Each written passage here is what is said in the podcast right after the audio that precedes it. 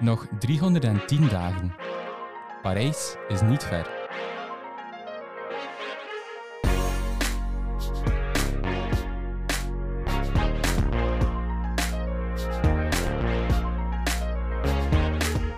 Hallo iedereen en welkom bij een nieuwe aflevering van Parijs is niet ver, een podcast over de Olympische Spelen. Ik ben Erwin. En ik ben Thibaut en dit is onze gast van vandaag. Ik ben Jolien Vermeijlen, ik ben 29 jaar en eh, ik ben een triatlete. Dag Jolien, hoe gaat het? Uh, alles goed hier, ja. Uh, bezig aan de laatste trainingsblok voor de laatste drie races van het seizoen. Dus nog altijd hard aan het werken en ik kijk heel hard uit naar de taper. ja, want bedankt alvast dat je ons wilt ontvangen, want ik denk wel dat je nog een, een druk schema hebt zo op het einde van het seizoen. Um, het is iets minder druk als uh, zo in, in de helft van het seizoen. Als in de trainingen zijn al wel een, een beetje minder. Um, maar inderdaad, het blijft wel, wel druk tot het, uh, tot het eindelijk off-season is. Dus uh, nou, jullie zijn heel welkom. Ik ben blij dat jullie mij gevraagd hebben. Dat is heel graag gedaan.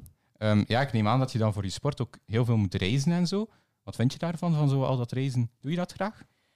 Mm, het, het, reizen zelf doe ik graag, maar ik ben geen fan van het in- en uitpakken van, uh, van alle valiezen. Als in, ik begin er altijd veel te laat aan. Besef ook last minute dat ik dingen niet mee heb die ik dan wel mee moet hebben. Um, dus ja, maar het reizen zelf vind ik, vind ik wel leuk. Als in, ja, die reisdagen wachten op het vlieg, vliegveld, ja, dat vindt nu niemand heel top, denk ik. Maar gewoon zowel alle verschillende steden zien, verschillende landen, culturen, dat vind ik wel heel leuk. Ja, want er zijn een aantal atleten die vaak zeggen, ja, we zien niet echt iets van de stad, we nemen daar niet tijd voor. Ben jij zo wel een atleet die zegt van, ah ja, ik ben nu bijvoorbeeld in Australië, ik ga, ik ga hier nog twee dagjes blijven en, en dingen bezoeken? Of, of is dat soms lastig met het schema? dat valt een beetje te zien van race tot race. Als in, wij zullen nooit gaan citytrippen, maar ik probeer wel uh, in de meeste steden iets te gaan zien, wat ook niet altijd mogelijk is. Maar ik ben ook niet de persoon die de dag van de race nog naar huis gaat reizen. Ik ben meestal uh, de persoon die nog wel de dag van de race blijft, hè, dat ik langzaam kan inpakken, daar nog een beetje kan, uh, kan rondwandelen of nog wat dingetjes kan zien en dan de dag na de race vertrek ik. Ja, het voordeel van triathlon is natuurlijk dat het vaak in de stad is en dat je al iets ziet van de stad zelf, terwijl je de wedstrijd doet. Ja, dat klopt echt. Dat is een heel groot verschil met zwemmen. Bij het zwemmen zag je echt enkel het zwembad en het hotel. En nu, ja, als je moet gaan fietsen, je hebt sowieso wel wat dingen gezien. En je kunt ook... Um, ja, ja, soms fiets je ook gewoon parabus langs dingen die wel leuk zijn om te zien. Alleen, dus, dus ja, vooral, vooral door het fietsen en het lopen dat je wel wat, wat dingen ziet, sowieso. Ja, um, voor de luisteraar misschien duiden. Er zijn verschillende soorten triathlon natuurlijk. Maar wat jij doet is de Olympische triathlon. Uh, dat is 1500 meter zwemmen, uh, 40 kilometer fietsen en 10 kilometer lopen. Ja, klopt. Ik doe de Olympische afstand uh, en ook de sprintafstand eigenlijk.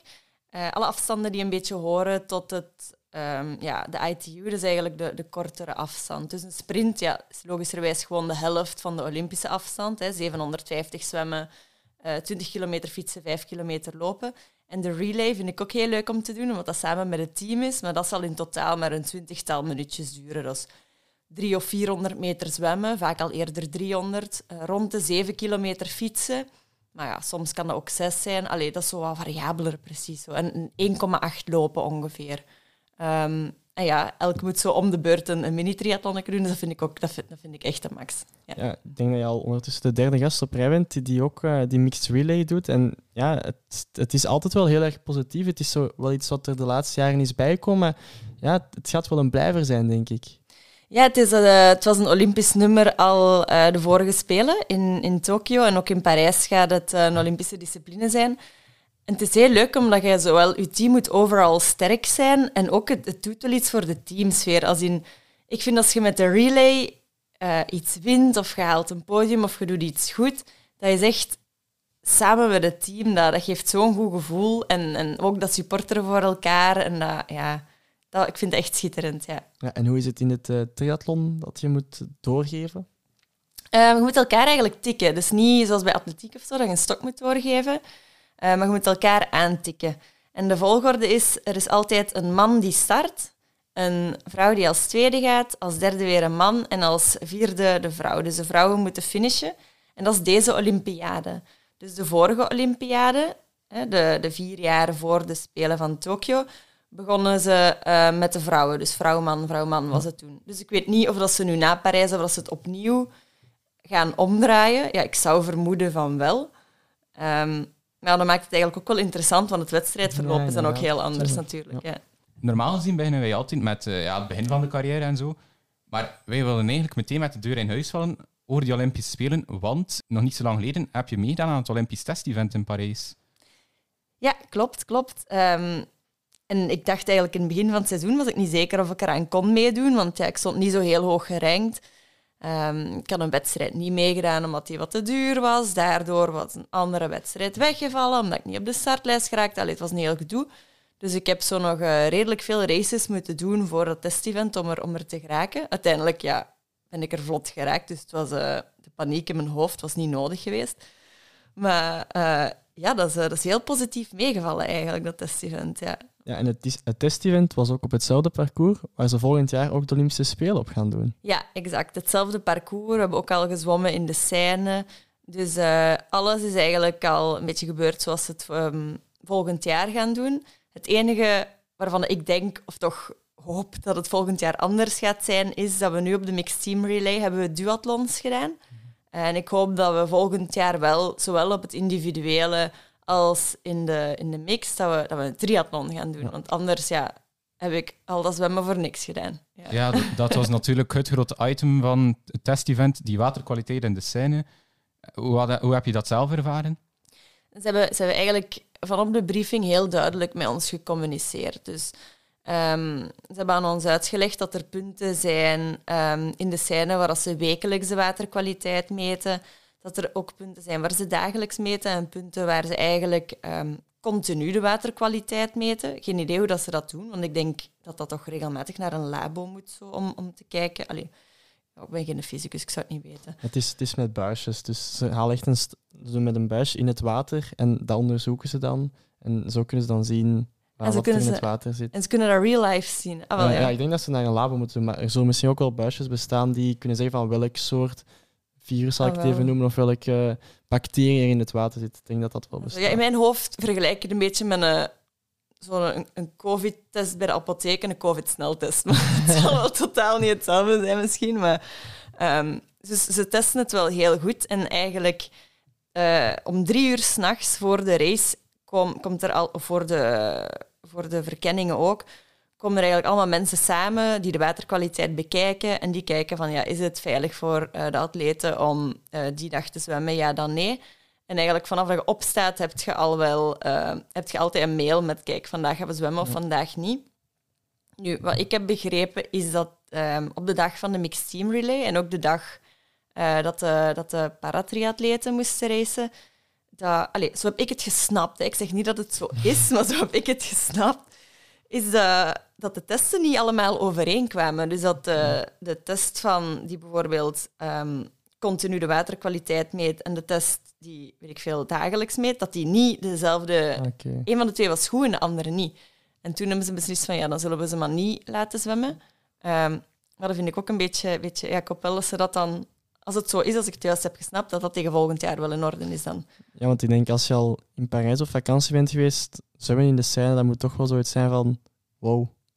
Dat is wel zalig. En zeker um, aan die brug, hè, de Pont Alexandre, oh, dat was schitterend. Zo gouden beelden en zo. Mhm. Allee, ik ga van alles wat blinkt.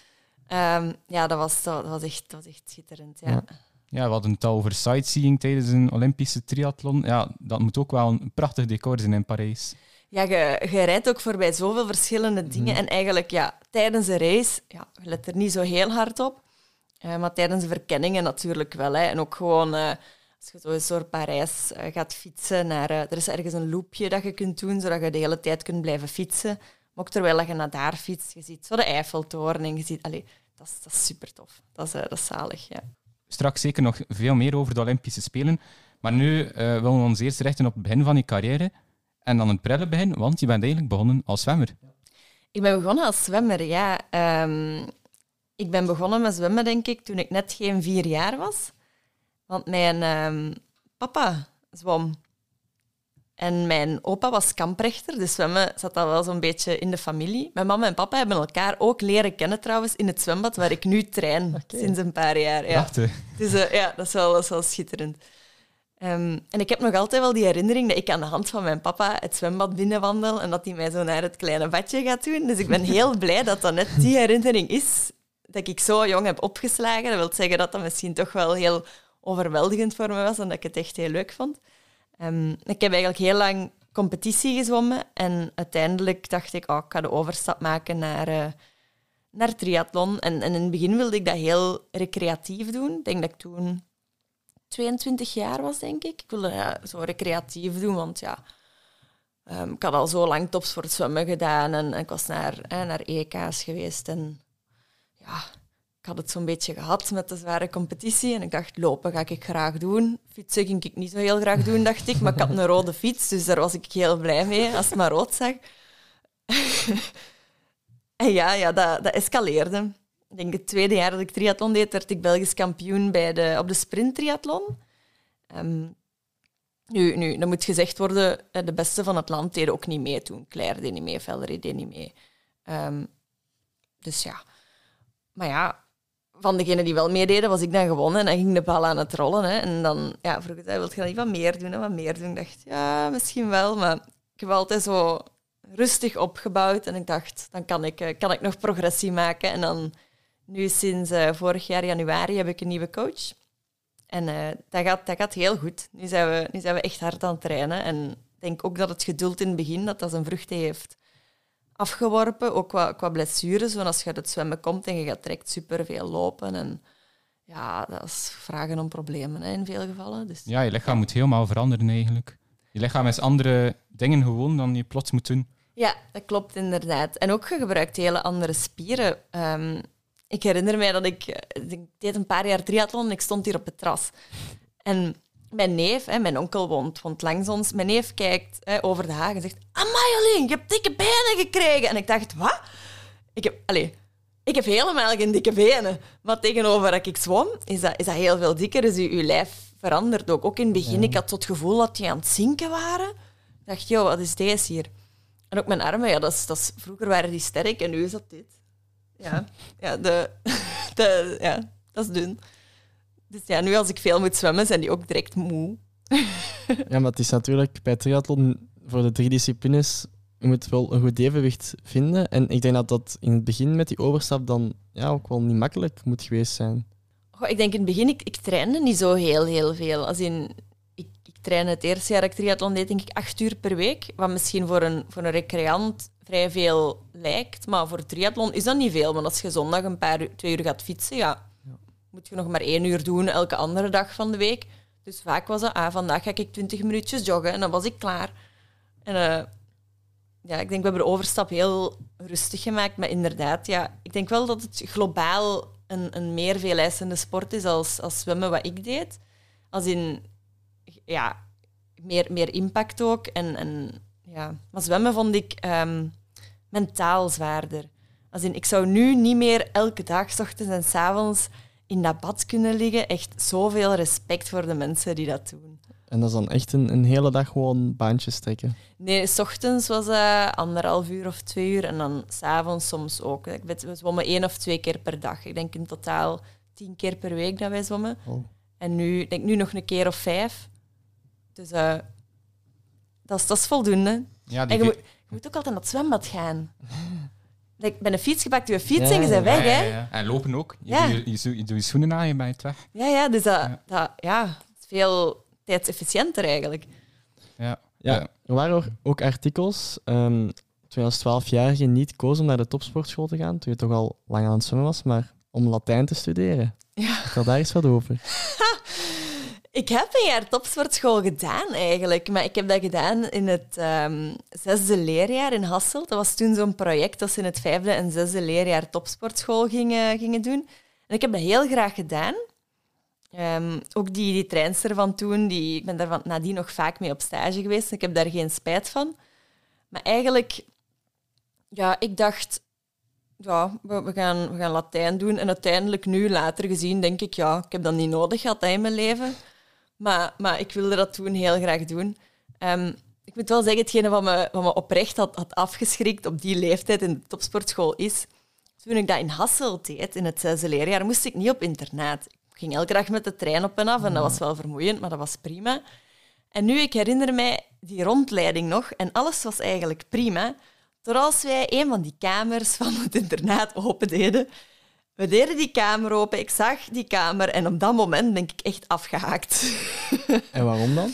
Ik weet niet meer waarom. In mijn hoofd is er toen iets geknakt. Ik dacht, oeh, dit gaan we niet doen. Ik denk dat dat, dat, dat wat klein was. Nou, ja, ik, ik weet het niet. Ik zag dat ook niet echt zitten. Ik ben zo'n een familiemens en ik heb graag dat iedereen zo wat samen is. En ja, ik zag dat niet zitten om een hele week daar op een kamertje te gaan zitten en enkel te zwemmen. En nogthans, trainingsstages vond ik heel, heel leuk.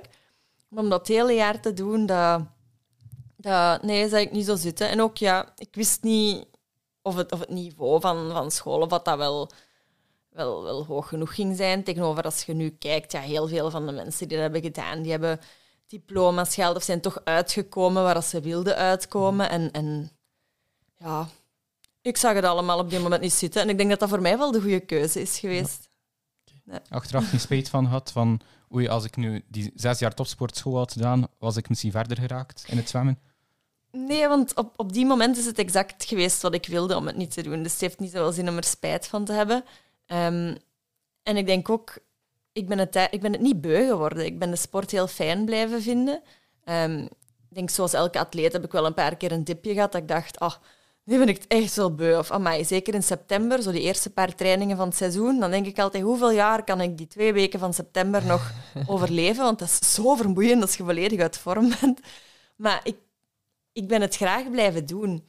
En, en, en dat vind ik wel het belangrijkste. En ik had op onze club ook trainingsgenootjes die, die, ehm, die, die met mij mee konden trainen. Dus uh, ik was niet alleen. Ik heb, daar, uh, ik heb ervan genoten. Ik vond dat niet erg. Wel ja, dat was dan zwaar. Voor school zwemmen en, en na school zwemmen. En dat heb ik wel een paar keer gedacht, als ik zo wat uren kon skippen. Maar ik had ook een hele flexibele school. Ah, ja. Dus uh, die wilde heel graag meewerken. Dat is ook een school waar ik later nog heb gewerkt, trouwens. Ah, ja. Dus uh, ja, KS Diest. Dus, uh, ja. ja, shout-out naar uh, Shout-out KS naar die Diest. school. Ja. Ehm, ja, die, die vele trainingsuren tijdens de jeugdjaren leefden er ook op, want je haalde provinciale titels, eh, Belgische titels ook. Ehm, ja, hoe ging je daarmee om? Als klein meisje, zeg maar. Ja, en ze is ook nog sportvrouw van het jaar geweest Ja. van, van Scherpenheuvel. Ja. Een prijs gekregen van de grote Michel Wuits. Ja. ja, ik weet die avond nog. Als mama was maar aan het zeggen dat ik mooie kleren moest aandoen. En ik had gewoon... ik had waarschijnlijk gewoon een broek aan of zo. Ik weet het niet meer.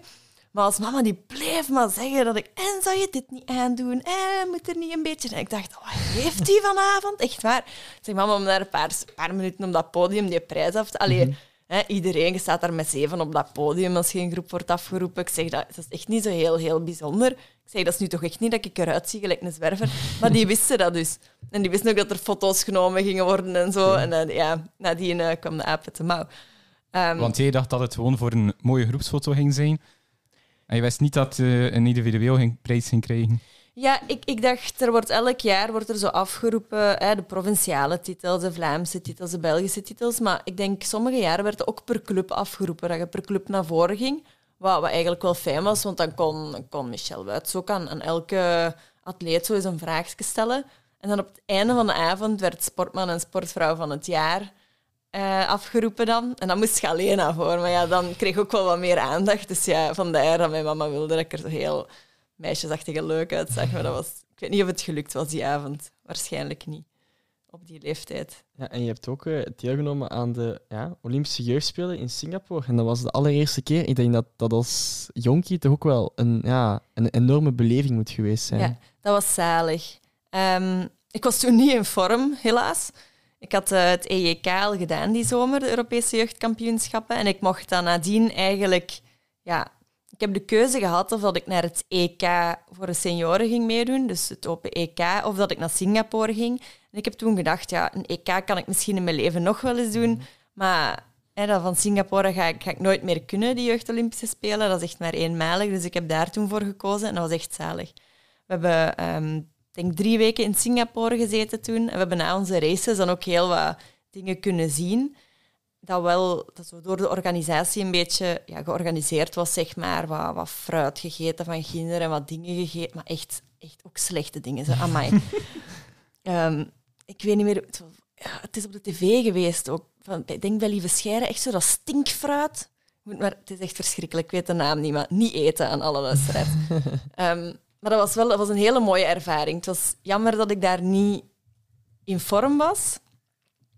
Maar ik heb er, ik heb er alsnog van genoten. En ik dacht, ik ga nu ook eh, mijn tijd hier niet laten verprutsen door het feit dat ik, eh, dat ik eens een keer eh, een mindere race heb. Was heb- het, was, het, was het dit vooruit? Ja, dat kan wel. Ja, voor Daar- de luisteraars, het is durian, denk ik dat je het uitspreekt. Het, is, ja, het lijkt wel op, op een soort... Ik weet niet hoe dat ik het Ja. moet, moet, moet omschrijven. Het Een is, eh, watermeloen met stekels. ja, ja, Het was gewoon slecht. En- Ja. Het is echt, echt het slecht. werd, het werd dan in twee gedaan, veronderstel ik. En dan de vrucht dat, er, dat erin zat, die, die werd dan gegeten. Of, of... Niet, ze gaven ons zo, zo stukjes. En, en die mensen vandaar zeiden: Oh, dat is lekker, we eten dat als dessert. Maar terwijl wij aan het eten waren, je zag je lachen. Je zag ze lachen. Oh, man, mannetjes, mannetjes. En ik was dan hè, veel wilde dan niet eten, maar ik dacht: Kom, ik ben hier, ik steek dat binnen. Dat is verschrikkelijk. Het smaakt zoals dat ruikt. Hè. Dat... niet doen, echt niet. Ah. Dus, eh, Ja, het was wel ehm, eigenlijk een apart toernooi, want ja, zoals Thibaut al zei, het was de eerste editie van die Olympische Jeugdspelen. Ik moet eerlijk zijn, het was een toernooi dat ik nog nooit van had gehoord. Een soort van Olympische Spelen voor 14 tot 18 18-jarigen. En ik heb het eens bekeken, ja, waar is het al geweest? Denk in, de eerste keer in Singapore, dan in China, dan in Argentinië en nu volgend jaar in Dakar, in Senegal. Dus ja, heel exotische locaties, maar hoeveel, ja, wat was het gevoel in het algemeen? Heb je daar ook sporten kunnen meepikken, andere sporten kunnen gaan kijken? Ja, ah, wel, dat was, eh, dat was net het grote verschil met zo alle, alle zwemtoernooien. Als in, je had natuurlijk wel je eigen toernooi dat je moest doen. Maar we zijn toen gaan kijken naar de volleybal, denk ik twee keer. Naar de hockey zijn we gaan kijken. Ik ben naar het paardrijden gaan kijken daar. Ehm, het kajakken, dat was toen slalom. En eh, die had dat keigoed gedaan, dat meisje Hermine Peters. Was dat. Ik denk, Oh. die, had, eh, die was derde toen, denk ik. Die had een bronzen medaille.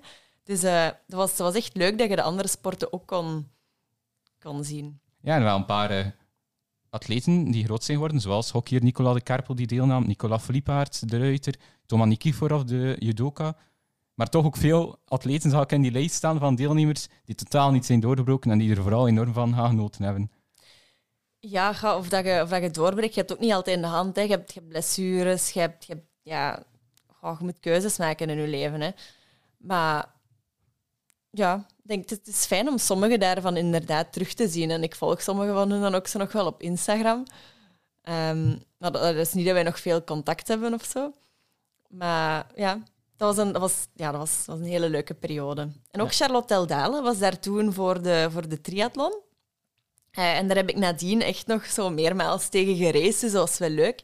Want haar vrouw nu, Oshin, die gaat ook naar de Spelen in, allee, Ah, die gaat naar de Spelen in Parijs. Ja, Ja, Voor, eh, voor boksen. ja, ja. ja, ja Want ik zeg ja. wel ook, maar het is niet 100% zeker dat ik mag gaan. Dus dat is eh, een dubbeltje op zijn kant. We zullen zien crossed. en fingers crossed. Ja. Ja, en, en op de jeugdspelen ja, kwam ook nog een goed resultaat uit de bus. Een zevende op, op de 200 meter schoolslag. Was dat dan jouw favoriete nummer in, in die jeugd bij het Goh. zwemmen? Ik heb dat een tijd heel graag gezwommen. En ik heb dat ook een tijd vooral proberen te vermijden, omdat ik dat niet meer zo leuk vond. Ik denk omdat ik het wat veel had gedaan. Ik zwom heel graag wisselslag, maar eigenlijk was mijn rugslag totaal niet goed genoeg. Ik was bij de vlinder zo oké en na de rug ging ik laatst of zo. Allee, dat was echt niet goed. Ehm, dus 200 schoolslag was wel het nummer dat ik het beste kon. En ik was daar zevende, hè, eerste van mijn leeftijd. Maar eigenlijk de tijd die ik had, was toen niet de tijd waarop ik had gehoopt. En dan denk ik ook, ja, later merkte je, ik kan nu veel beter relativeren dan toen. Toen was dat, ik wil een besttijd zwemmen. En als dat niet gebeurde, ja... En nu denk ik, ja...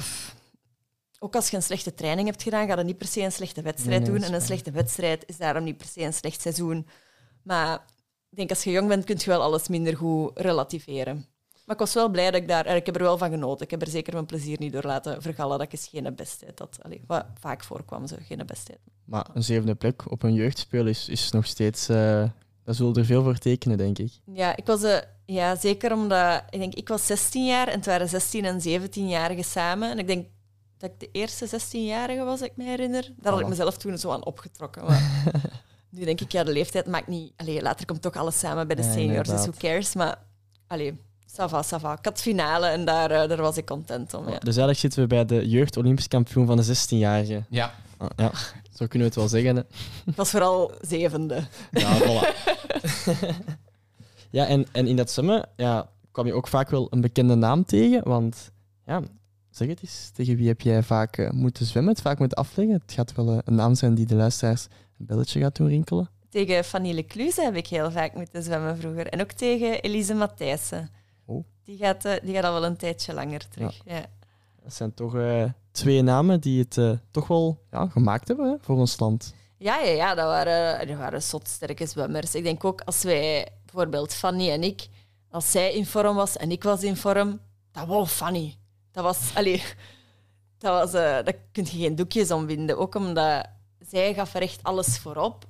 En ik dacht, ja, om van zwemmen mijn beroep te maken, dat is al heel moeilijk. Dus ik heb, ik heb dat heel vaak gecombineerd met studies. Ik heb mijn jaren ook nooit eh, mogen splitsen van thuis. Je hebt zo de leeftijd dat je nog luistert naar wat ze thuis tegen u zeggen. Ja, ik heb dat dus nooit gesplitst mijn jaren. En dat was wel vrij vermoeiend om dat, om dat zo te... Ja, ondertussen ben ik die leeftijd voorbij. Ja. Want ik mocht ook niet fietsen en ze hadden ook liever niet dat ik mijn job opzij om proberen om triatleet te worden en zo. Nu steunen ze het ondertussen wel. Nu wel. ja, dus soms moet je gewoon eens je gangetje gaan. Ja. Ja, ehm, op een bepaald moment maak je dan ook de overstap van de jeugd naar de senioren. Was dat een grote aanpassing of ging dat geleidelijk aan, omdat je daarnet al zei dat je eigenlijk als eh 16-jarige al een open EK mocht eh, meedoen? Ja, ik heb uiteindelijk nooit een open EK meegedaan. Ik heb mijn limieten heel vaak gehaald, maar zo altijd op de foute moment. Ik was heel goed in dat een maand te vroeg zwemmen of twee maanden te laat. Of... Maar zo op het moment dat ik het moest zwemmen, zelden. Ook omdat dat tijdens de examenperiode moest in die tijd, wat niet de meest beste periode was om eh, helemaal in vorm te zijn. Maar die, die overgang, dat ging, dat, ging, dat ging wel goed, denk ik. Zeker omdat België is een klein land. Ik denk als je in een eh, een veel groter land de overgang maakt, dat dat, dat, moeilijker is. Je hebt ook heel veel verschillende nummers in het zwemmen. Dus ja, in sommige nummers kon ik dan inderdaad totaal niet meer mee. Maar like de schoolslag, dat ging dan wel. En ik denk in het zwemmen, ik was een hele goede zwemmer. Ehm, maar ik was, ik was geen wereldtop. Zo op Europees niveau kon ik zo meedraaien of ging ik misschien wel eens een, halve finale gehaald hebben. Of zeker bij de, bij de jeugdwedstrijden.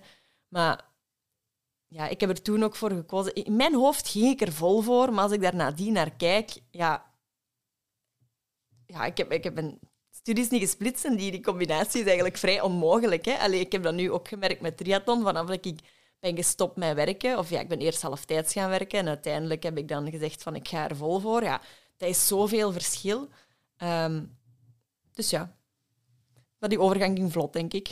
Nooit problemen mee gehad.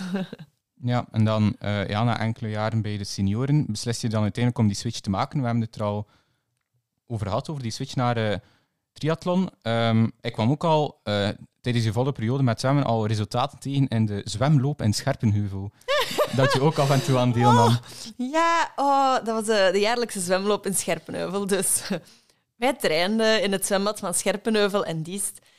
En elk jaar deed de triathlonclub van Scherpenheuvel een zwemloop daar. Dus als zwemclub dachten wij, weet je wat, wij zien die ook. Hè, elke zaterdag trainen die na ons en woensdag af en toe. Dus je kent die atleten wel wat. Dus wij dachten altijd met de zwemclub, oh, we maken daar wat reclame voor en we doen wat mee. Maar dat was ook de enige vijf kilometer dat ik liep op dat jaar. En omdat ik die wissels niet kon en ik vond loopschoenen heel traag, liep ik dat ook op mijn sandalen. dus tot zover mijn jaarlijkse zwemloop. Maar toen, toen zagen we wel... Allee, dat lopen leek heel traag, maar uiteindelijk die tijd viel altijd nog wel mee om ook echt nooit te lopen. Dus, eh, en, en ik liep ook wel ja, graag dan, die ene keer per jaar. Ik heb één jaar trouwens een week gelopen, dus ik ben toen op maandag beginnen lopen in plaats van gewoon die zaterdag. Ja, en dat jaar voelde ik mezelf wel heel wat sneller ook. Ik weet niet of ik sneller was, maar ja. En, en is zo misschien die liefde dan ja, voor, voor het lopen en het zwemmen, die combinatie dan wel ontstaan? Was dan nog duathlon en dan de fiets erbij? Of, of was dat misschien nog te snel? Goh, ik, ik deed dat wel heel graag, maar dat is niet dat ik ooit dacht van, goh, eh, ik ga nu later triathlon doen of zo. Ehm, ik denk zo, zo joggen tussendoor vond ik wel leuk. Ook, ik denk het eerste of tweede middelbaar heb ik zo ooit eens eh, de scholenveldloop meegedaan. En onze papa die, die liep vroeger wel, en ging ik zo als klein meisje mee met mijn gouden fiets. Ehm, dus ja, veel, veel lopen rondom mij, maar, maar ik heb daar nooit, nooit veel mee gedaan. Ehm, ja, tot dan uiteindelijk, ik was eigenlijk op vakantie in eh Corfu en ik was daar een boek aan het lezen van de van Brownlees. Ah, ja. Jonathan Ja, en. Alistair Brownlee. uh, swim, bike, run. En toen dacht ik, ah, lijkt me wel leuk eigenlijk. Lijkt me wel leuk. En ik ben toen, ik weet nog dat ik die vakantie af en toe gaan lopen ben. Ik denk, het zal ook wel een stukjes van 20 minuten geweest zijn. Ik weet zelfs niet of het op mijn sandalen was of dat ik loopschoenen bij had. Maar ik ben toen rustig beginnen joggen. En ons vader had dat door. Nu, er was al vaker tegen mij gezegd dat ik waarschijnlijk beter zou zijn in triathlon dan in zwemmen. Dus dat ik misschien dat wel eens kon proberen. Ik dacht altijd, ja, nee.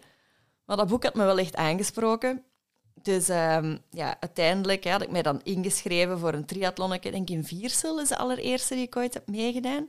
Wat, toevallig is, ik zit nu ook bij die club. Um, ja, dus onze papa rode fiets gaan halen. Moest een rode zijn, anders had ik nooit, nooit triathlon gedaan. We hebben dan ene, ene triathlon heb ik gedaan, denk op het einde van die maand, eind augustus. En dan besloten van, ja, ik ga toch wat verder zwemmen. Tot ik dan een jaar later er, erbij, ja, toch met triathlon ben begonnen. Eigenlijk omdat ik um, in het zwemmen was ik... Uh, ik had dat jaar zo... Ik was ziek. Ik had geen, geen klierkoorts, maar ik denk mycoplasma. Een uh, ja, beetje vriendje van klierkoorts. Um, en eigenlijk alle limieten die ik wilde halen, was, uh, was vrij hard mislukt. En ik was moe en ik mocht ook een tijd niet zwemmen. En toen dacht ik, om alles opnieuw op te bouwen zo voor het zwemmen, s ochtends zwemmen, s avonds zwemmen. Ik dacht, ja, dat lijkt me ook allemaal wel een beetje veel. Ik zag dat niet meer echt zitten. En uh, ja, toen dacht ik, oh, ik, kan, ik loop op zich wel graag. Dus toen dacht ik, ja, dan zal ik ook maar fietsen. dat zal ik er dan maar bij pakken als het dan echt moet. Hey, dat was, ik ben vaak gevallen, jong. Rode lichten, dat was echt horror in mijn hoofd. ik viel gewoon om hè, met die klikpedalen. Ja, ja. denk, het eerste wat mijn vader van mijn eerste fietstraining heeft gezien is... Ik kom aangefietst, super blij dat ik mezelf niet heb belachelijk gemaakt in de groep dan, dat ik niet ben gevallen. Ik zwaai naar ons vader en ik val om. en hij vertelt dat nog altijd. Dat is... Oh, dat is, uh, Maar het is uiteindelijk dan toch goed gekomen. Ja. En hoe, hoe waren die eerste reacties over je overstap? Ik denk dat die vooral positief waren, omdat de mensen ook wel, ook wel zagen van ja, in het zwemmen maakte ik niet meer heel veel progressie. En ik denk echt, de, de top had ik, had ik ook niet meer gehaald, denk ik. Ik was zo'n goede, goede subtop. Allee, in België kon ik wel natuurlijk meedraaien en, en, en, uh, medailles pakken, maar ja... Uh, maar heel positief eigenlijk, ja. Dus, dus ja. Vooral, vooral op het fietsen er wel heel veel grapjes over gemaakt. Ja. Die, gaan, die, gaan, die gaan nog lang mee. Maar ook in het lopen, dat de mensen ook wel verbaasd waren over dat dat wel vooruit ging. Ook dat je mij van ver zag aankomen. Hè. Een paar weken geleden is nog een artikel verschenen waarin staat T-Rex Run. Dat, dat, is, dat is echt de beste omschrijving die je eraan kunt geven. Ik doe mijn best om prachtig te lopen en in mijn hoofd is dat echt heel netjes. Maar in het echt is dat helaas niet zo. Maar dat hoeft niet, hè? Zolang het vooruit gaat. Voilà. Als het vooruit gaat, ja. Maar let op, zo, ook mensen die u niet kennen zeggen... Amai, we zien nu echt al van ver aankomen. Dan denk je soms van, ja, ja, leuk. Maar voor de supporters wel handig, hè? Heel kunnen, handig, kunnen heel handig. Een, vlag in de lucht beginnen houden. Ja, dat is, dat is waar. Ja, je, ziet, uh, je ziet het heel goed. Ja. Ja, um, ja, in 2018 pak je dan ook meteen de Belgische titel. Je hebt het zelf al een beetje aangehaald, dat, dat de, de topper niet bij was, maar kwam niet onverwacht? Of had je dan toch iets van, kan hij vandaag misschien wel meespelen voor de prijzen? Goh, ik, ik had het gehoopt, maar ik had het niet gedacht. Als in, bij het zwemmen ging ik wel normaal gezien vooraan zitten die race en dat is ook gebeurd. Uh, maar wat die race een dubbeltje op zijn kant een beetje was, was het fietsen. Als in, um, ja, ik oefende daar wel op, maar voor fietsen heb je toch wel een bepaald aantal jaren training nodig voordat je dat fatsoenlijk kunt en voldoende kracht hebt. Wat ik dus toen zeker nog niet had. Um, dus ik ben redelijk hard gestorven op die fiets ook wel. En we waren maar met, met vier dat we aan het fietsen waren. Ik denk, um, Cato, Kassier zat erbij was, die is nu gaan, gaan veldrijden. Charlotte Eldale, die toen in, um, in Singapore ook was voor, voor het triathlon. En Hanne de Vet, die ook bij de Belgian Hammers zit. Dus ja, dat waren, dat waren ook geen, geen pannenkoeken. En ik heb echt op de fiets... Ah, ik heb alles ervoor moeten doen om erbij te zijn. Want echt een paar keer dat ik dacht, deze was heel nipt. Of joh, deze bocht had nu toch wel iets beter mogen nemen. Maar uiteindelijk is het dan toch, uh, toch goed gekomen. We begonnen te lopen en het is wel echt spannend geweest er op het einde. Ja, ja en plots ging het snel, want in het begin van 2019 dan mocht je al meteen op het grote podium je debuut maken in de, op de World Triathlon Series in Abu Dhabi. Ja, dat was, dat was een beetje te vroeg. Maar ik denk dat ze gewoon ook niemand anders hadden. Allee, Um, je, ver, je verving ook iemand die was uitgevallen. Uh, Valerie Bartholomew was ja. uitgevallen met een breuk in haar heiligbeen, vond ik. Ja, inderdaad. Dus ehm, normaal gezien gingen Valerie en Claire racen in Abu Dhabi. En omdat dat, daar is ook een aflossing, dus dan nemen ze een reserve mee.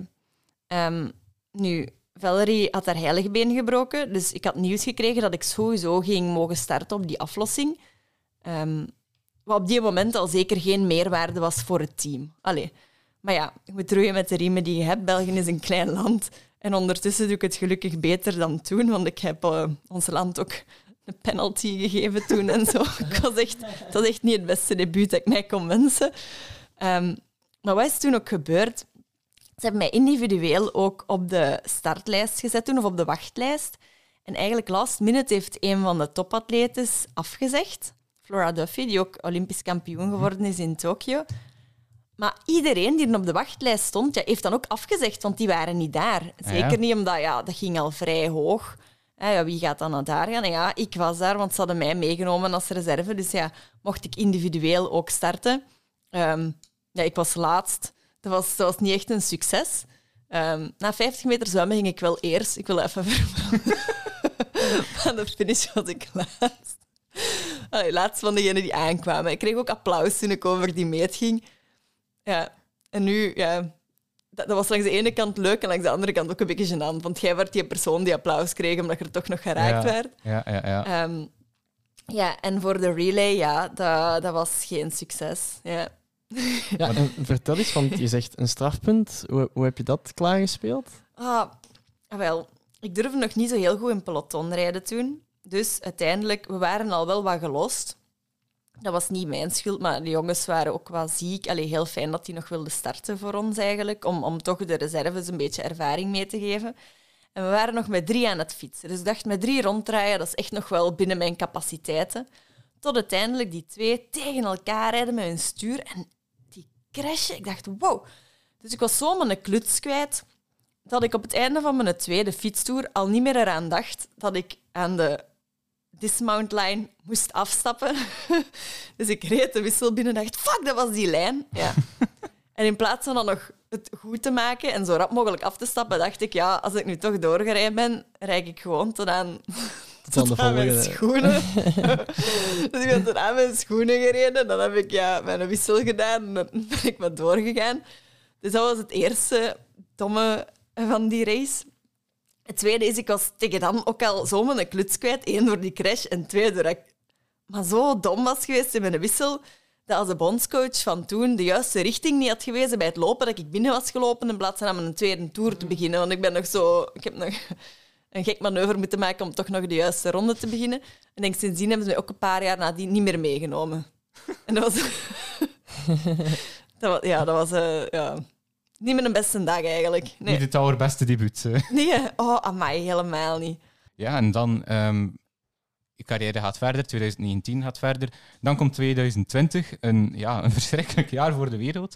Uh, corona komt eraan. Heb je dat gevoeld dat dat je weg naar de top wat afstopte? Um, nee, eigenlijk niet. Allee, ik werkte op die moment werkte ik ook in het, in het onderwijs. Um, en ik moet zeggen, ik was toen ik denk dat dat het jaar was dat ik aangenomen was als, als leercoach. Dus um, ook om, om jongeren die, die een beetje moeilijkheden hebben met wiskunde was op dat gebied, om die zo wat persoonlijk te begeleiden. Maar ja, ik moest niet naar de school gaan en ik kon die uren ook flexibeler inplannen. Dus voor mij was dat eigenlijk wel, wel oké. Het enige heel ambetante was, ja, doordat ik dan inderdaad niet meer in het nationale team zat, mocht ik ook niet zwemmen. Want ik had een paar hele goede topatleten, zowel in het zwemmen als in de triathlon, die toegang kregen tot de zwembaden. Ja, ik was niet die persoon. Dus, uh, want hier buiten in de vijver met koois heb ik nog een touw gehangen en heb ik nog gezwommen. dat was heel koud. Dat ging een stukje van tien minuten en ik heb daarna een paar keer ook opgegeven. Ik dacht, dat zou ik liever niet. Um, maar buiten dat, ja, heeft dat, heeft dat eigenlijk niet veel, uh, niet veel invloed gehad op mijn sport. Natuurlijk wel op het, op het leven daarbuiten. Uh, maar dat was voor, voor alle mensen zo wel, denk ik. Dus, ja. Ja, en dan um, kwamen die eerste wedstrijden na corona. Was dat weer een hele aanpassing? Weer opnieuw in dat ritme? Ja, vooral dat zwemmen was kei vermoeiend. Want ik had, ik had kei niet gezwommen. Ik had een maand of vier niet gezwommen. En ik weet nog die eerste wedstrijd. Um, waar was het? In Hazenwinkel was direct een, een testevent van de, de Triathlon Federatie. En het zwemmen, oké, het was niet schitterend, maar kwam het nog goed door. Maar nadien heb ik daarvoor betaald. Als in, ik was zo moe op de fiets en bij het lopen ben ik helemaal stuk gegaan, die wedstrijd. Maar dan, ja, vanaf dat je weer mocht racen, ja, iedereen is blij dat je weer mocht racen. Dus dat is niet dat dat een hele grote aanpassing is. Je bent gewoon blij dat dat weer mag. dus, uh, dus ja. ja. En na dat jaar corona komen we dan in het jaar van de Olympische Spelen. En daar heb jij deelgenomen aan, aan het EK vlak voor de Spelen met de Hemmers. Hoe, hoe was dat? Omdat, ja, ja, het was uitkijken naar de Spelen. Er waren er ook een aantal niet bij. Was dat EK in Valencia? Was dat dat jaar? Ik denk, als dat dat jaar was van het EK in eh. Valencia, was ik echt slecht. Als in, ik heb dit jaar in Valencia meegedaan onder het motto You only grow outside your comfort zone. Maar uh, ik, ik had dat jullie achtste zijn geworden met de Belgian Hammers. En het was inderdaad, nee, dat was, in, ja, Valencia. was het, het individuele EK. Dat was ah. niet goed. Maar ik denk, we hebben ook meegedaan in Kitzbühel. En dat was met, uh, met de aflossing. Dus individueel ah, had ik daar niet zo'n topdag. Ik had B-finale en heb dan ook beslist, dan zeg ik liever de B-finale af. Um, maar probeer om voor, voor het team echt een goede prestatie te leveren. En dat is wel echt gelukt. Want op de dag van de aflossing was ik echt, als echt van mezelf, ik was echt een tank. Ben, uh, ik was echt heel content. En ook de rest van het team heeft, uh, een ding gedaan. Dus daar hadden we eigenlijk een mooie achtste plaats. Hoewel we daar eigenlijk met een tussen aanhalingstekens reserveteam zijn, zijn gestart, hebben we het daar eigenlijk heel mooi gedaan. En we hebben ons vel heel duur verkocht. Dus uh, ja, dat was heel leuk dat weekend. En dan die spelen zelf. Um, je was er toen nog, toen nog niet bij, toen was je nog net onder dat uh, niveau om, om mee te gaan. Uh, maar heb je er wel naar gekeken? Ja, ik heb er wel, ja, ja, tuurlijk gesupporterd voor, voor atleten die daar zijn ook. Hè. Allee, ik kende ze toen natuurlijk niet zo goed als nu. Um, maar ja, ja, natuurlijk dat je supportert voor je team. Het waren ook een top Olympische Spelen voor de Belgische triathlon. Met een vierde plaats voor uh, Marten van Rio en dan een vijfde plaats voor de mixed relay. Ja, en Valerie was, was tiende. Valerie heeft ook heel goed gedaan. Um, ja, Claire had, Claire had pech, die had zich geblesseerd tijdens het lopen, wat ik wel super jammer vind, want dat is zo'n goede atleet ook. Um, gelukkig bij triathlon heb je nadien nog veel wedstrijden waarin je kunt tonen wat je waard bent. Uh, ja, en Jelle had, had ja, COVID. Ja, juist, die moest thuis blijven. Ja. ja. Dus ik ben wel blij dat die voor de relay nog eens kunnen opgaan, maar ik denk wel dat dat mentaal heel zwaar is. Dus ik vind dat echt, echt dikke chapeau dat hij nog verder is blijven trainen, dat hij naar daar is gegaan, dat hij toch nog het beste van zichzelf heeft gegeven, echt voor het team. Um, dus dat zegt ook heel veel over de teamgeest. Hè. Ik vind, ja, dat zit wel goed bij ons. Die wedstrijd, ieder, ja, er zijn er een aantal over de meet gekomen, die waren daar precies aan het sterven. Dat was, dat was echt... Die hitte was, ja, dat was enorm in Dat was een, beeld zoals precies in de film. Die, die atleet kwam daaraan overgeven. Dat, dat was wel echt... Uh, ik weet niet dat je erover gepraat hebt met hen erna. Ik, ik heb de indruk dat het op het test-event van de Spelen dat het toen erger was. Toen was het echt heel, heel heet. En uh, naar gelang wat ik dan vooral van de dames hoor, is dat het op de dag van hun wedstrijd eigenlijk niet zo heel warm was. Maar het was wel een, een hoge luchtvochtigheid of zo. Want ze zeiden, oh, we hebben heatprep gedaan en dan is het niet eens warm. Dus dat viel eigenlijk op de dag van hun race wel mee. Maar ja, het is heel vochtig en je gaat natuurlijk, ja, dat is maar één keer in de vier jaar, ja, die gaan natuurlijk uh, ja, tot op het bot. Hè. Ja, triathlon lijkt mij sowieso een sport waarbij je honderd keer doodgaat. Ja, ja zeker, zeker op de fiets. Als in, um, bij de Olympische afstand denk ik meestal in de helft van het zwemmen al van... Oh, deze wordt, deze wordt heel vermoeiend. Maar dan zeg ik tegen mezelf, joh, je werd een zwemmer vroeger, dus kom aan, doorbijten. Dan begint het fietsen. En die eerste twee of drie toeren is altijd zo hard doodgaan. Dan denk ik, ik hoop dat het tempo snel gaat settelen. Dat het, want, ah, dat, is, dat, is, dat is bidden en doodgaan. En um, het lopen, ja, dat kun je voor jezelf wel, wel indelen. Tenzij dat je zo stom bent, allez, stom, of dapper, je kunt ook dapper noemen. Zoals ik twee weken geleden in, in Valencia ik dacht, ik ga eens meelopen met Gwen Jorgensen. Dat was Olympisch kampioen van 2016. En eens kijken hoe lang ik kan meelopen. Nu, dat is heel fijn voor zolang dat je kunt meelopen. Maar vanaf dat je moet lossen, gaat het toch wel... Allee, die vorm gaat heel snel achteruit.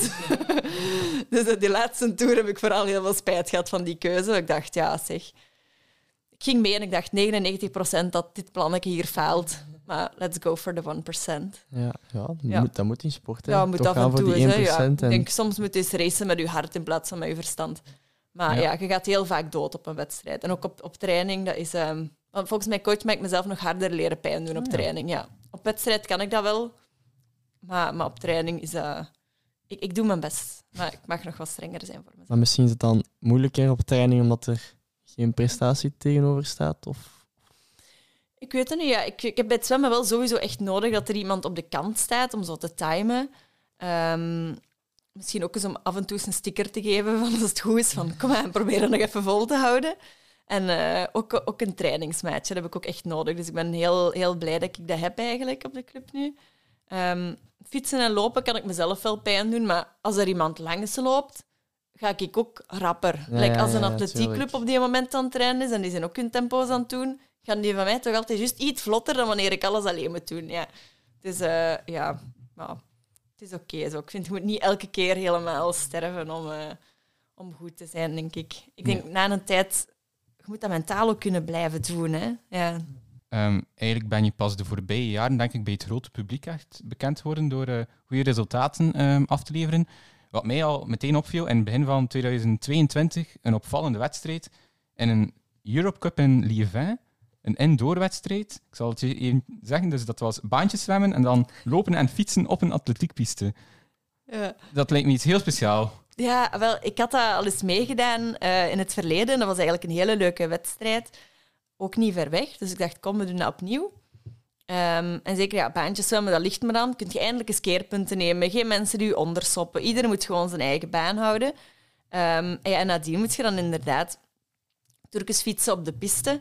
Nu, allemaal goed en wel, maar als je je bochten scherp neemt, dan raakt je pedaal wel die piste. En soms zie je zo wel eens een wiel een, ehm, een gek manoeuvre maken, zeg maar. Dus eh, laten we zeggen dat bochttechnisch... Allee, niet dat dat moeilijk parcours was, hè, dat zijn gewoon cirkels. Was ik zeker niet de sterkste daar. Ehm, en ja, ik weet het, ik had daar een hele goede dag. Dus, Ja, je eh, werd ik- ik- ja, wie, wie had dat gedacht? Ik eh, al niet die dag, want ik heb nog eh, de dag ervoor tegen mijn coach gezegd van... En kijk, wat een sterke serie dat ik zit. De kans dat ik door ga gaan naar de volgende ronde is echt klein. Maar ik ga wel mijn best doen. en ik had die serie dan gewonnen. En toen dacht ik, ja, die anderen hebben dat tactisch gedaan. Die zijn niet zo hard gegaan als ik. ja, zelfvertrouwen is iets waaraan we moeten werken, of moesten werken toch in elk geval. Ehm, nee, dat, ging, dat ging, ging echt goed. En in de finale dacht ik, kom, ik ga gewoon all out en eh, ik zie waar ik uitkom. Als ik plat val, oké, dan ben ik tiende. Ehm, en val ik niet plat, ja, dan eh, kan het goed aflopen. Ik moet zeggen, na 500 meter van de kilometerloop had ik ook heel veel spijt van die keuze en ben ik een beetje gaan verdragen, want oh, dat, dat, dat had anders wel misgelopen. Maar ik ben uiteindelijk wel derde geworden en dat was, eh, ja, was, dat was fenomenaal op die moment. Ja, hoe heb je zelf eigenlijk de laatste twee jaar beleefd? Ehm goh, dat is een hele moeilijke vraag. Eh, met, met veel ups en downs, denk ik. Als in ehm, sporten doe ik wel altijd heel consistent. Eh, ik ben van coach veranderd en dat was een hele, hele goede beslissing. Als in, ehm, ja, mijn coach is, die gelooft ook in mij, dus die, eh, dat, dat, dat betekent heel veel voor mij. Eh, en op de zwemclub zijn er wat veranderingen geweest, waardoor ik nu met goede mensen kan trainen. Dus dat is ook heel leuk. Ehm, ja, en vorig jaar was ik dan in de helft van het seizoen bijvoorbeeld heel goed in vorm. EK had ik heel goed gepiekt en dan crash ik. Ja, dat is dan even een hele harde down. En dan de relay daarna is dan weer goed, dus dan is dat weer up. Maar ja, het is, het is op het gebied van races ja, heel hard eh, up, up en down. Ja, je zei het al, je zei het al in eh, München was dat, eh, dat TK. Ja, Ehm, tijdens het fietsen viel je. los op mijn buik, ja. En eh, terwijl je wel redelijk goed in de wedstrijd zat. Ja, ah, wel. ehm, ik was er bij het zwemmen, eh, denk in de, de eerste rechte lijn naar de boei, al een paar keer ondergetrokken. Ik had al wat schoolslag moeten zwemmen, dus ik was al niet heel goed gezind. Maar ik dacht, kom joh, ehm, je bent hier niet voor niks. Probeer om echt het beste uit te halen. Zwem langs mensen, zwem tussen mensen door. Dat was eigenlijk nog redelijk goed gelukt, dus ik was best wel wel trots op mezelf aan het wezen, ondanks het feit dat ik zeker niet in een toppositie uit het water was. En ook op de fiets voelde ik mezelf heel sterk. Denk op het einde van de eerste ronde dat ik... ehm, we gingen net aansluiting maken met de tweede groep. En ik zat op kop van mijn groep, wat eigenlijk ook zelden tot nooit gebeurt. Dus ja, eh, ik dacht, ik ga die bocht hier goed aansnijden. Maar dat hek stond anders dan in de verkenning. Oei. In plaats van dat dat zo heel breed was, was dat smaller gemaakt, zodat er ook een stuk publiek kon staan. En ja, de eerste ronde had ik dat gemist, want ja, ik kwam net uit de wissel, je ging traag. Maar nu gingen we snel. Dus ik dacht, oh, ik ga die bocht maximaal nemen. Ja, hek stond zo al wat smaller. Ja, ik kon mijn bocht nog nemen, dus ik was zo net zo, ah, goed, dit is goed. Maar die bocht bleef ook langer doorduren dan die mijn herinnering duurde. En na een tijd, ja, ja na een tijd, dat ging heel snel, hè, maar dicht op het einde van die bocht aan de buitenkant, ik kon hem echt niet scherper nemen dan dat, lagen um, een Britse en ik denk een, een, een Zweedse of een Oekraïense, ik weet niet meer precies wie dat er lag, maar er lagen al een paar mensen en ik dacht, ja, hier kan ik echt niet meer omheen. Ik ben daar gewoon los op gereden. En toen, ja, de waren weggevlogen van alles. Mijn zadel stond wat scheef. Maar ik dacht, ja, mijn fiets remt op zich nog. Mijn zadel is nog vrij stabiel. Ik heb één dringbus van de weg geplukt. Ik dacht, ja, anders ja, heb je geen drinken meer voor de rest van de race. Dat is ook heel achterlijk om dat nog verder te doen. Ik dacht, met één dringbus kom ik nu misschien nog wel toe als ik wat goed verdeel. Dus ik ben dan maar verder blijven fietsen. Maar de groep waarin dat ik toen zat, ja, die ging, ging eigenlijk niet meer... Uh, niet meer echt vooruit. En toen uh, uiteindelijk heeft de federatie mij besloten om mij uit de race te halen, om mij dan te sparen voor de relay de volgende dagen. Um, ja, wat eigenlijk een hele goede keuze is, want daardoor heb ik wel eigenlijk mijn contract gekregen bij Sport Vlaanderen. Dus ja. Van wil zeggen dat als er een deur sluit, dat er andere deuren kunnen opengaan. Maar ja, want die, die mixed relay was dan wel een groot succes. Een vierde plaats ja. op dat EK. Ja, ik was ook heel, heel kwaad toen ik aan die race begon. Alleen niet op de wereld of zo, vooral op mezelf. Ik dacht, we gaan hier wel toch nog goed racen nu ik in vorm ben. Um, ja, en dat ging, dat ging heel goed. En, en ook de rest van het team, die hebben mij eigenlijk perfect afgezet. Hè, want ja, je was de laatste van de ik vier. Ik was de laatste, ja. Want je kunt zelf wel goed in vorm zijn, maar de rest van het team moet je ook goed, goed afzetten op de relay. Dus dat is altijd, altijd een teamprestatie. Um, ik denk dat we daar wel... Ja, we natuurlijk liever derde geweest. Maar um, dat zat er op die moment niet in. Dat gat was vrij groot, denk ik, met de derde nog. Maar we hebben er wel alles uitgehaald, denk ik, wat er toen in zat voor ons. Ja, want het was nog, nog spannend voor de vierde plaats, denk ik, hè, met Spanje. Um, het was spannend, ja, plaats 4 en 5. Ik zat bij een Spaanse, die wilden op de fiets niet zo graag overnemen. Alleen om niet te zeggen niet. De enige plaats wanneer dat ze overnam was bovenop de berg om eerste afdaling te doen ja, bochten. Ik heb erop gewerkt ondertussen. um, maar ja, voor de rest deed hij eigenlijk niet veel. En dat was heel, heel vervelend. Maar ik was dan uiteindelijk bij het lopen ook zo ambetant dat ik dacht, ik val hier nog liever neer dan dat ik u voor mij over de meet laat gaan. Want de Spaanse federatie heeft nog een filmpje gemaakt van onze gezichten terwijl wij tegen elkaar aan het spurten waren. Oh, dat is echt geld waard. Dat, dat is, ja, lelijk. Ja, lelijk die gezichten. Dat, ja, vol pijn en verbetenheid van allebei. Maar en dan zo in, in slow motion. Zo. Dus, uh, ik weet niet, dat ergens gepost, iemand had mij doorgestuurd. Ik heb het niet meer, maar het was een moeite om te zien wel. Ja, en je, hebt, je zegt het dan zelf, je hebt daar je, je, je contact gekregen uh, bij Topsport Vlaanderen. Um, was dat voor jou ook zo'n bevestiging van dit is wel een belangrijke stap die ik zet? Dat was vooral iets wat ik heel erg nodig had op die moment. Want ik was een jaar daarvoor dan um, had ik besloten om niet meer uh, verder te gaan in het onderwijs. Omdat ik dacht, die combinatie kon ik echt niet meer, niet meer maken met, alle trainingen. En het was uh, na een jaar toch wel um, een beetje gemoedsrust ook. Als in, ik heb weer een inkomen, ik krijg ondersteuning. Want de, uh, de federatie ondersteunde mij daarvoor ook wel. Um, dus daar heb ik heel veel geluk mee gehad. Um, allee, het jaar daarvoor dan, vanaf dat ze zeiden, ja, dat kind geeft daar job op. We zullen, we zullen die wel een beetje mm. ondersteunen, gelukkig. Um, maar dat was wel echt wat ik, wat ik nodig had. Um, vooral voor, voor gemoedsrust. Dus dat was, was heel fijn. Ja. En ik ben nog altijd heel dankbaar dat ze mij die kans hebben gegeven. Iets waar ik toch nog op wil terugkomen. Ik heb het al een aantal keer gehoord. Je zegt van in het zwemmen dat je werd ondergetrokken. Ja. Um, vertel dat eens, want ik denk als je met een, een hele hoop ja, in, in het water duikt, moet wel inderdaad ook chaos zijn. Vertel eens wat, wat je daar exact mee bedoelt. Ja, in theorie mag dat niet. In theorie moet je mooi eh, langs elkaar blijven zwemmen of achter elkaar zwemmen en raakt je elkaar niet aan. In de praktijk mislukt dat elke race opnieuw. dus wat, wat ook, allez, soms gebeurt dat per ongeluk. Hè. Dus ook als wij briefing hebben, dan staat er als je elkaar ja, per ongeluk contact maakt of, en je gaat nadien direct naar de andere kant, ja, dat kan gebeuren. Hè. Jammer. Ik heb ook al gehad dat ik allez, mijn, eh, mijn arm zeg maar, zeg van ah, we gaan nu trekken en ik heb per ongeluk iemand meer. Dan denk ik, oei, maar ik heb die geen twee mhm. keer vast. Op sommige races heb ik al gehad dat ze mijn pak langs achter vastpakken, naar achter trekken en mij dan onderduwen. Oh, Dat is niet meer per ongeluk. Of like in Parijs ging uh, een, een, het eerste deel van het parcours ging, ging heel snel. Dus daar, ja, als je dan in iemand zijn voeten ligt, oké. Maar vanaf dat wij gedraaid zijn in de scène, gingen wij trager. Dus alles komt compacter. Ja, compacter, oké, dat kan. Maar als je dan over mijn heupen zwemt en mij onderduwt, dan is dat niet per ongeluk. Dus, ja, en ze filmen wel met drones en ze geven penalties, maar eigenlijk, ja, ze zien al... Ik weet niet of ze altijd de nummers heel, heel juist zien. Want Jelle had een penalty in Parijs voor swim behavior. Ja, je zit daar soms ook ergens tussen dat je er helemaal niet aan kunt doen. Nee, nee, inderdaad. Uh, maar er zijn ook wel atleten die daarom bekend staan om echt zo te vechten in het water. En ik word liefst gewoon met rust gelaten. Nee, dat begrijp ik. ik denk, ja, leven en laten leven. Laat mij gerust en laat ik u gerust. Ja. Um, maar dat is wel, dat is op die internationale wedstrijden, vind ik, dat, dat valt heel hard op. Zeker zo dat eerste deel um, wordt er af en toe wel eens voor goed ondergetrokken. En soms in het peloton zit je zo'n wasmachine dat je niet helemaal weet of dat je, langs welke kant dat je nu het beste ademt.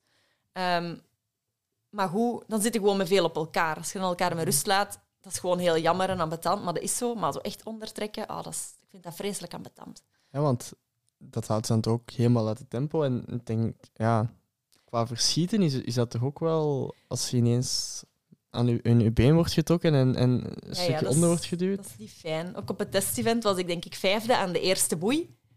En eh, ik denk het volgende checkpoint, of toen we uit het water moesten komen om opnieuw in te duiken, was ik zeker niet meer vijfde. Dat is ook omdat ik, de paar keer, ik heb er een paar keer schoolslag moeten doen, omdat ze mij naar onder geduwd en dan moet ik, ja, na een tijd heb je wel echt lucht nodig. Hè? Mhm, Allee, je hebt tuurlijk. ademen om te leven. Dus, dus ja, dat, dat, is, dat is heel ambetant. Snap ik. Ja, ehm, dan gaan we het nog hebben over, je, over het, ja, het recentste deel van je carrière, namelijk dit seizoen. Ehm, je hebt een heel straffe zomer gehad. Ik ga het eventjes oplezen voor de luisteraars. Ehm, brons op de European Games in Krakau. Daarna, een paar dagen later, eh Europe Cup gewonnen in Holten, waar je de Nederlandse Rachel Klamer klopt, die eh, vierde werd in Tokio. Dan eh, derde in de World Cup in Tishovaros. Negende op het WK Supersprint in Hamburg. Twaalfde op de World Series Manche in Sunderland. Veertiende op het Olympisch Testevent in Parijs. En dan nog vijfde op de World Cup in Valencia. Wat een lijst. En derde op de mixed relay in Parijs. Ja, tuurlijk. Wow. Dat heb ik nog vergeten. Ja. Ja, maar dat is toch een enorme pres. Had je het zelf verwacht voor dit seizoen? Nee, nee, helemaal niet. Oh, ik heb begin dit jaar in Abu Dhabi dacht ik dus dat ik in vorm ging zijn. Mijn coach zag dat ook. We hadden geëxperimenteerd met de hoogtetent en dat was dus super slecht, die wedstrijd. Ik denk, het was 48ste of zo. Ehm, ja, je kunt het nakijken. Het zal er rondspannen. Het was, het was niet goed in elk geval. Ehm, dus ik dacht, oh jee. Nadien had ik zo'n beetje pijn in mijn hamstring bij het lopen. Dus tegen het EK in Madrid, dat hoera, hoera, een duathlon werd, ja, tegen het einde van het lopen, ik was helemaal per totaal, dat was ook niet goed. En toen denk ik dat de rest, allee, dat er al veel mensen iets hadden van, ah ja, ja, Jol, niet echt in vorm dit seizoen. Ehm, nu, ik dacht dat zelf ook. Na dat EK ben ik op trainingsstage gegaan in Mallorca. En ik was ook zo moe van die duathlon en zo slecht op training dat ik echt een mental breakdown heb gehad na een zwemtraining waarin ik zei tegen en ik ben zo moe en ik ben niet in vorm en alle races zijn zo slecht. Uh, ik kende dat zo even, hè, twee minuten... Allee, ik weet niet of het echt blijten was, maar twee minuten je hart uitstorten en zo even je Calimero-hoed op. En nadien is dat ook wel weer oké. Dus ik voelde me ook heel blij en ook halvelings wat gegeneerd toen wij twee weken daarna naar de European Games gingen. Ik had start nummer 22 en ik werd daar derde, wat eigenlijk ver boven de verwachting was, in de, in de snelste looptijd dan nog. Dus toen dacht ik, ja, ik heb daar weer drama zitten maken voor niks. en vanaf toen ja, ging de rest van het seizoen eigenlijk eh, heel goed. Dus nu ook, ja, de trainingen gaan niet altijd heel, heel super. Ehm, maar ik vertrouw Stijn erop dat hij ervoor zorgt dat ik op de wedstrijden dat ik daar goed uitkom. Dus, dus ja. Dus, eh, ja. Eh, daarvoor, ik vertrouwde die ook, maar gewoon kennen dat zo even.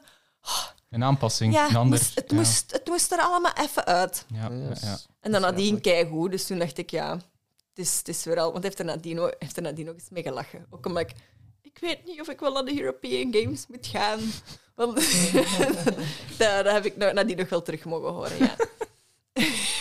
Dus je weet nu, vanaf je twijfelt, toch gaan, het levert iets op. Ja, het kan. En, en op zich, als je, als je wat minder goed bent op een wedstrijd, is ook niet zo, niet zo heel erg. Ik denk, het is heel belangrijk om te werken aan, aan het proces ook. Als in, Ehm, like, like, is het zwemmen in de zee of is het zwemmen op vlak water? Is het een rivier of is het stilstaand water? Er zijn allemaal dingen waarop dat je wel kunt werken. En dan voor mij zeker aan het fietsen. Ehm, ja, om, om van voor te blijven, om, om, om rond te draaien en om mezelf te positioneren. En zelfs als je weet, of als je moe bent of je bent niet super in vorm, dan nog is dat iets wat ik heel goed kan doen of wat ik uh, in staat moet zijn om te doen. Dus oké, en als ik dan moe ben of ik loop eens een keer wat minder hard, dan is dat, is dat, is dat jammer. Um, maar je moet nog altijd in de gaten houden van, ja, toch goed doen. Hoe zeg je dat? Ja, het proces. Is dan het fietsen hetgene waar je nog het meeste groeimarge hebt? Ja. Ja. ja. Oh, echt. Ik denk in, in wattage ben ik dit jaar wel, wel veel sterker geworden en, en ook technisch. Um, en ook op, op het rijden in peloton en het positioneren, we werken daarop. Maar ik zie ook niet altijd hoe een peloton werkt. Ik kom daar tijdens de wedstrijd ook vaak pas achter hoe dat alles opschuift. Allee, het is nooit zoals ik het in mijn hoofd had. Dus ik denk qua, qua tactisch inzicht dat ik zeker niet de sterkste ben. En ook qua dapperheid. Ja, toen dat, dat werd uitgedeeld op de fiets, stond ik toch niet vooraan in de rij. um, ik zie vooral heel veel gevaar.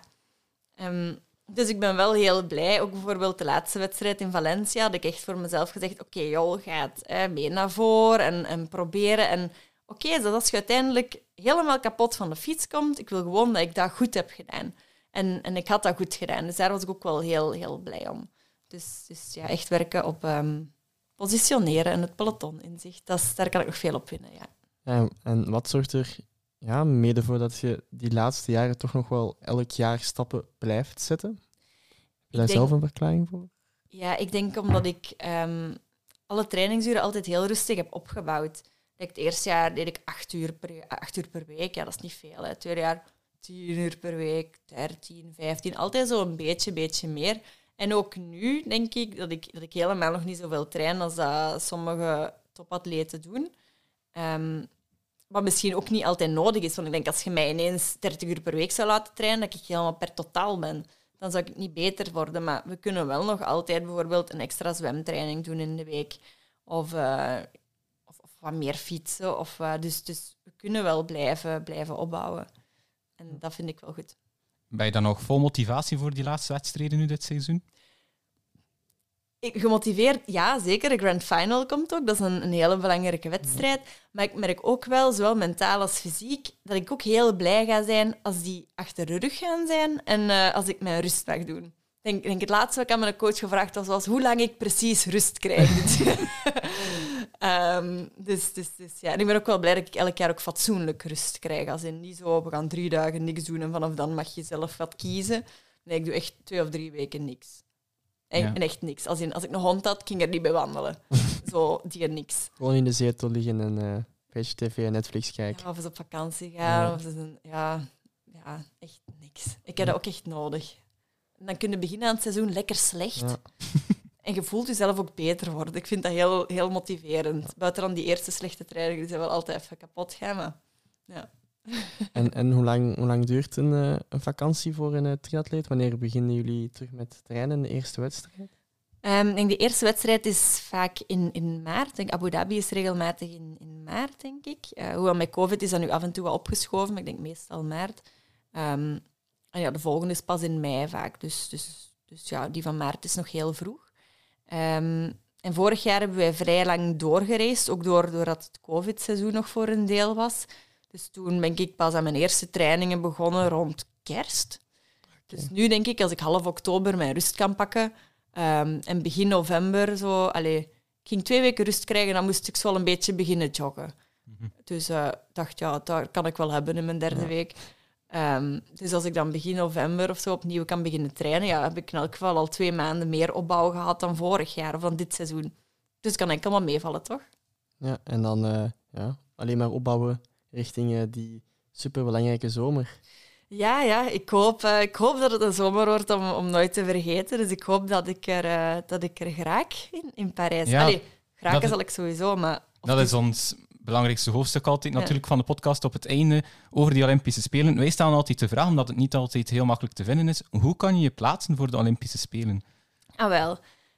Um, moeilijke vraag voor triathlon. Goh, ik wilde dat ik een, een heel eenduidig en eenvoudig antwoord kon geven Maar ehm, je moet eigenlijk als atleet twee criteria halen. Dat zijn dan de A-criteria. Je hebt A, B, C, D en zo verder. Ehm, om de A-criteria te halen, zou je ofwel één criteria hebben moeten halen vorig seizoen, één dit seizoen, ofwel twee in dit seizoen. Ehm, en wat is dat? Top 3 op een EK, heb ik niet gehaald. Top 8 op een WTCS, heb ik niet gehaald, want ik was negende. Of top 12 op de Grand Final. Let's go for it over twee weken. maar het, het, ja, we zullen zien. Um, maar dan nog, je moet het twee keer halen. Of je moet, ja, dus ja, dat wordt al heel onmogelijk, want er zijn al geen WTCS'en meer dit seizoen. Misschien begin volgend seizoen nog. Um, volgens mij heb ik ze dan wel opgenoemd. Volgens mij was dat het. Dus ja, dat heeft geen van de dames bij ons eigenlijk gehaald. En vanaf dan gaan ze verder en verder kijken. Um, ik denk vooral naar wie dat ze graag mee willen op de mixed team relay, maar ook um, de, de ranking is belangrijk, de Olympic ranking bijvoorbeeld. Um, dus, dus ja, ik denk zolang dat niemand zijn A-criteria haalt, is niemand heel, heel zeker dat hij mag gaan van de dames. En de concurrentie is sterk, want er zijn met drie hele goede atleten en momenteel maar twee plekjes. Um, nu, tenzij dat we met drie atleten in de top 30 van de Olympische ranking staan, van hetzelfde land. In dat geval zou België drie atleten mogen sturen. Dus dat is toch nog altijd stiekem, stiekem en een droom dat we eigenlijk met ons drieën kunnen gaan. Want ay, dat zijn mijn, hey, Claire en Valerie zijn mijn, zijn mijn concurrenten. Um, maar dat zijn ook mijn vrienden. Alleen, in, gereisd vaak samen, gereisd vaak samen.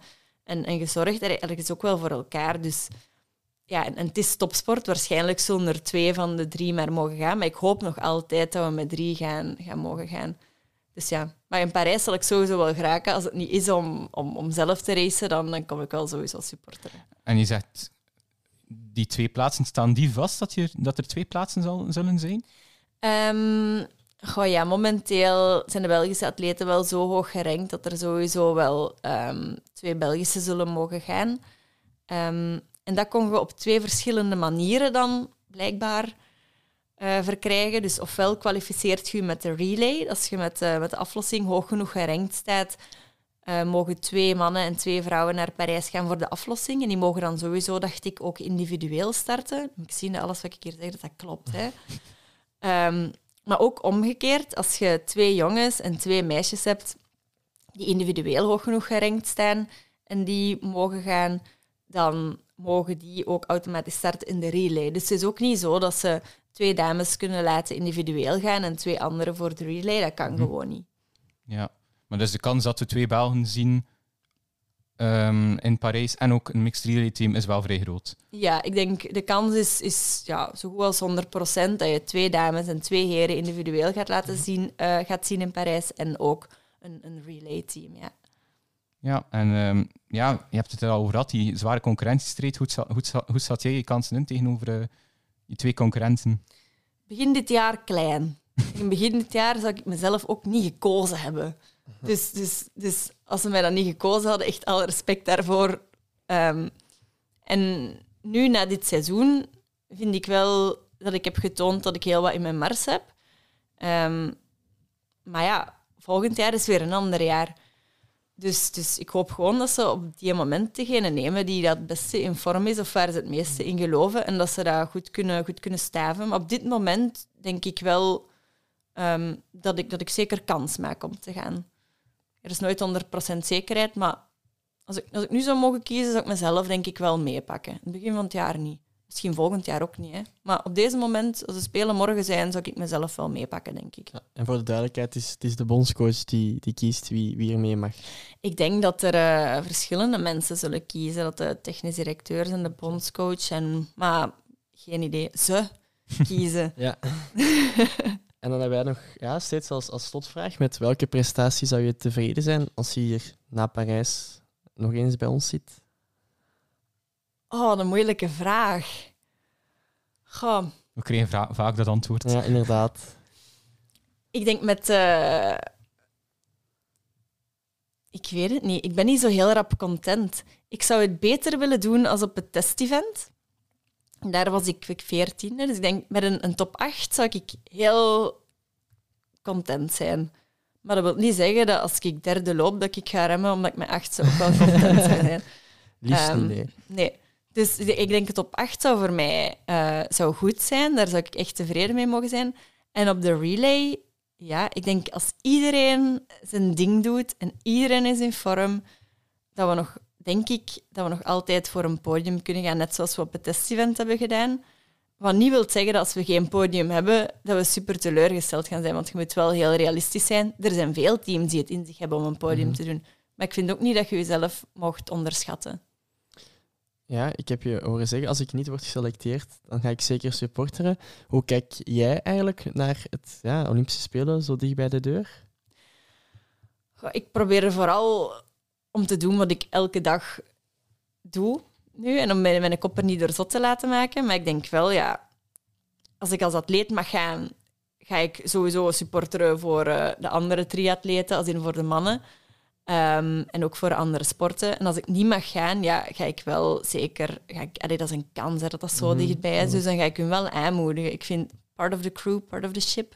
Je bent nog altijd, bent nog altijd één team op het einde. Dus Ja. dan, dan ga ik kijken en dan roep ik zo hard als ik kan. Dat is wel mooi. En tot slot, ik heb je een aantal keer horen zeggen van, eh, dat je toch wel van blinkende dingen houdt. Zo'n medaille, die, die blinkt wel, wel fel, hè? Ja, let op. Ehm, als ik nog veel progressie maak, niks is onmogelijk. Tuurlijk niet. Maar ik zou het ook heel onrealistisch vinden van mezelf om te zeggen: ik ga voor goud. Dat zou, dat zou heel onrealistisch zijn en ook oneerlijk naar mezelf toe. Ehm, maar op die dag ga ik daar staan en iedereen die daar start heeft een kans. En ik ga mijn kansen die dag proberen ten volle te benutten. Oké, dan denk ik dat we het daarbij zullen houden, Thibaut. Ja, dan eh, wensen we je nog ja, een fantastisch einde van het seizoen. Ja, welverdiende rust die je zeker gaat nodig hebben als ik het zo hoor. En dan een mooie opbouw naar eh, ja, de Olympische Spelen. En eh, wie weet zien we je wel in Parijs. Ja, Ik Inderdaad. hoop het. veel Dank je succes. wel. Merci.